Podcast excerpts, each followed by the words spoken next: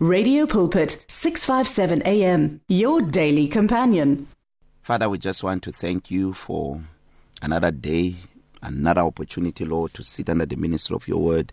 Thank you, Lord God, for the privilege to preach your word and to have a conversation with your people. I pray that you touch every person under the sound of my voice, whatever they are going through. I pray, Father, that you will meet them at the point of their need. I pray that you open our understanding to comprehend the scriptures in Jesus' name. Amen and amen. Welcome to the show. My name is Pastor Kenny Mukwena. We started a conversation uh, a few weeks ago, which I've titled The One Thing. We draw this from a conversation that Jesus had with two individuals. The one, it was uh, Martha, the sister of Mary. We find this in the book of Luke, chapter 10, when you read um, from verse 38, and also a conversation that Jesus had with a a, a rich young ruler, rich young ruler. We find this in the book of Mark chapter 10 when we read from verse 17 to uh, 22. So to Martha Jesus said, uh, you are worried and you are troubled about many things, but one thing is needed and Mary has chosen that good part which will not be taken away from him. So to the rich young ruler uh, came to Jesus and said, Good master, what shall I do that I may inherit eternal life? Jesus said to the young man, Why do you call me good? No one is good but one, that is God. And then he says, You know the commandments. And he began to give him the six commandments that relates to our our relationship with one another, the vertical, the horizontal beam of the cross says do not commit adultery, do not murder, do not steal, do not bear false witness, do not defraud, honor your father and your mother. And then the rich um, young ruler said to him, Teacher, all these things I have kept from my youth. The Bible says that Jesus, looking at him, he loved him and said to him, One thing you lack. So to Mary, he said, One thing is needed.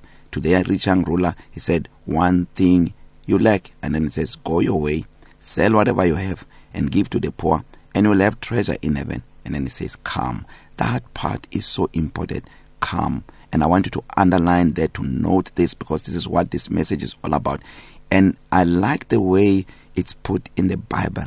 And come. It's put, you know, in between two commas. And come. This is what this is what we we we are talking about. This is what this one thing is all about. God is saying, Come. He's calling you to Himself. Remember, the scripture says, Return to me, and I'll return to you.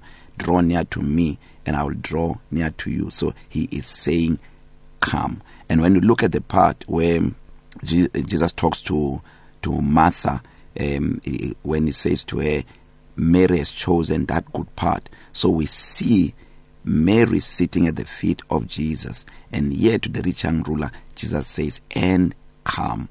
If that part and come was missing, it will not address the one thing. Remember, Jesus said, Go your way, sell whatever you have, and give to the poor, and you will have treasure in heaven. If you take out the part which says, and come, it will have said, Take up the cross and follow me. But then he would there would be something missing there because it starts with a decision to come. That is why even you know when you look at a scripture, very powerful scripture, um, which you know we all know about um, Matthew 11:28, where Jesus says, "Come to me, all you who labor and are heavy laden, and I'll give you rest. Take my yoke upon you and learn of me, for my yoke is easy and my burden is light." That scripture, when we we only focus on verse 28, but for me, the power and the revelation to unlock Matthew 11:28 is in verse 27. Verse 27 Jesus says it says all things have been committed to me by my father. It says all things have been committed to me by my father. So let's look at this in the context of the rich young ruler. So the rich young ruler has everything. No, no look at the look at the credentials of this young man. He was young, rich and powerful. That's how the scripture defines him. Young rich the the young um um the the, the rich young ruler.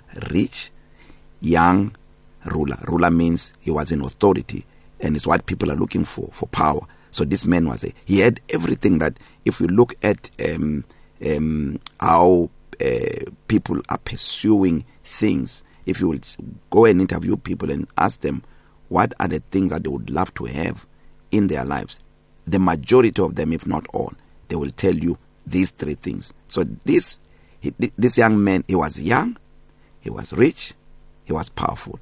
He was young, he was rich, he was powerful. So he had all the things that he wanted to have, but he had a void. That's why he came to Jesus.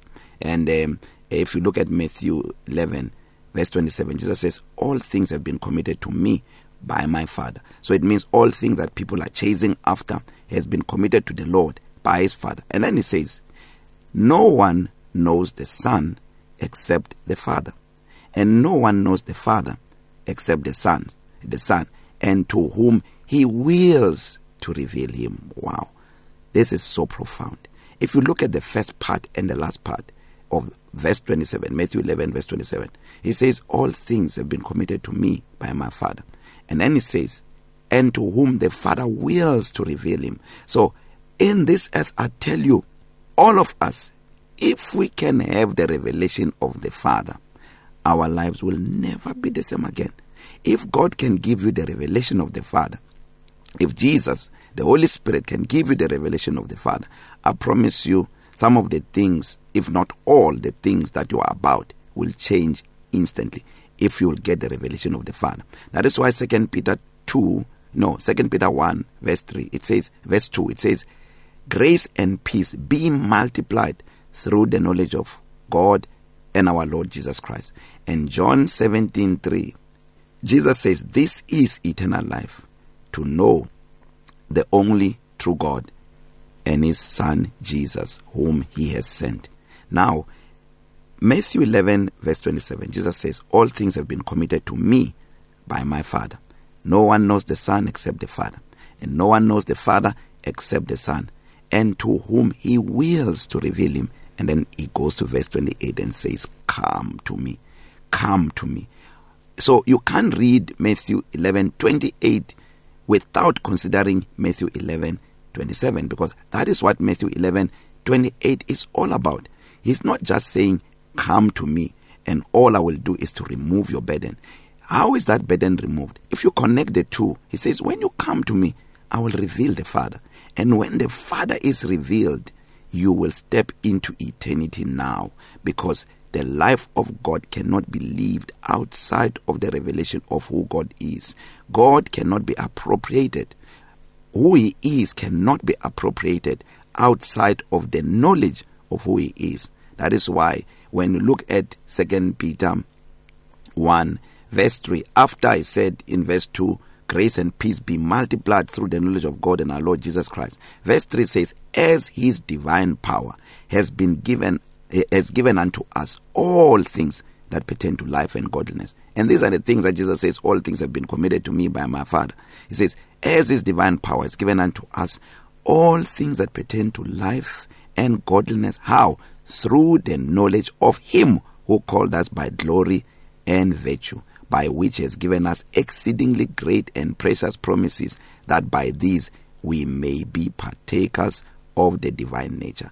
So this is so loaded in the sense that when you come to him, like they said to the rich young ruler, and come, and come, and come, the rich young ruler had to make a decision to come. And when he comes to him, because there is a difference between coming and following. You cannot follow when you have not come. You have to come first. Even our salvation, you have to come first before you can follow. Because when you come, that is where the impartation takes place. That is what Mary did. She sat at the feet of Jesus and she appropriated him. She had to come first in order to appropriate him. And that's what Jesus said to the rich young ruler. He said, and come and then take up the cross because it's a progression. It's three steps. It starts with coming and then taking up the cross and follow Jesus. For me, this is what defines success in life. If your life does not start with coming, it's impossible to take up the cross because the impartation takes place at coming. You know, when you come, um, this is how I, I, I, I do it, and this is what I teach our church that everything starts with uh, Colossians 1 18. Colossians 1 18 says, He is first in everything. He is first in everything. Even God Himself, you look at Genesis chapter 1, because uh, Revelations tells us that Jesus is the beginning and the end, the first and the last, the Alpha and the Omega. Genesis 1, verse 1, it says, In the beginning, meaning in Christ, because Christ is the beginning. Even in, even in John chapter 1, uh, um, in the beginning was the Word. Is the Word? The Word is Christ. In the beginning was the Word. The Word was with God, and the Word was God. So, in the beginning, when God said in the beginning, He was saying in Christ. In the beginning, God created. Everything is created through Christ. So, when you start with Him, you need everything that you do must start with Him. As you begin the year, you start with Him. Every project, every assignment, everything that you undertake, it starts with you coming. It starts with coming.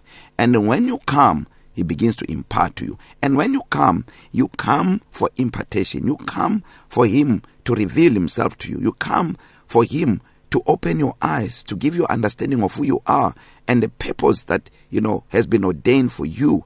It is only then that you can take up the cross because to take up the cross, it means you are no longer living for yourself. Now you live for Him, but it starts with coming. So the one thing that Jesus is talking about is summed up in come, take up the cross, and follow me. But it is in the coming. And when you come, you are not just coming, you know, um, with your, your your own ideas of what you will get from him you come and let him impart himself to you that is why in the portion in the in the part where Jesus talks uh, to to to to to Mary to Martha when he said but one thing is needed and Mary has chosen that good part we said the part the word part there is the Greek word merida which means a portion or a share so when Jesus said to the rich young ruler and come. He was saying, Come and appropriate me. Come and be a partaker of who I am. Come and make me your inheritance because currently you are rich, you are young, you are powerful, but you still have a void. That void will never be taken away until you appropriate who I am. I am the only one that can take away or fill that void in your life. And if you are listening to this, you are troubled in your heart. You know, I always say this that I don't believe that a Christian who come to the Lord Jesus and appropriate him can find themselves in perpetual struggles, anxious, you know, depressed, high blood pressure, sickness, disease, poverty, lack, confusion, you name them. It is not what defines us as Christians. That does not define who Christ is. And it all starts with coming. He says, and come, and come, and come. That's why even in, in, in Matthew 11 28, it says, come come come to me you know he told the Jews he said you study the scriptures because you think in them you will have eternal life he says these very same scripture speaks of me but you are not willing to come to me. He says come to me all you who labor and are heavy laden and I will give you rest. And he said to the rich young ruler and come. So this is what sums up the one thing. Come to Jesus.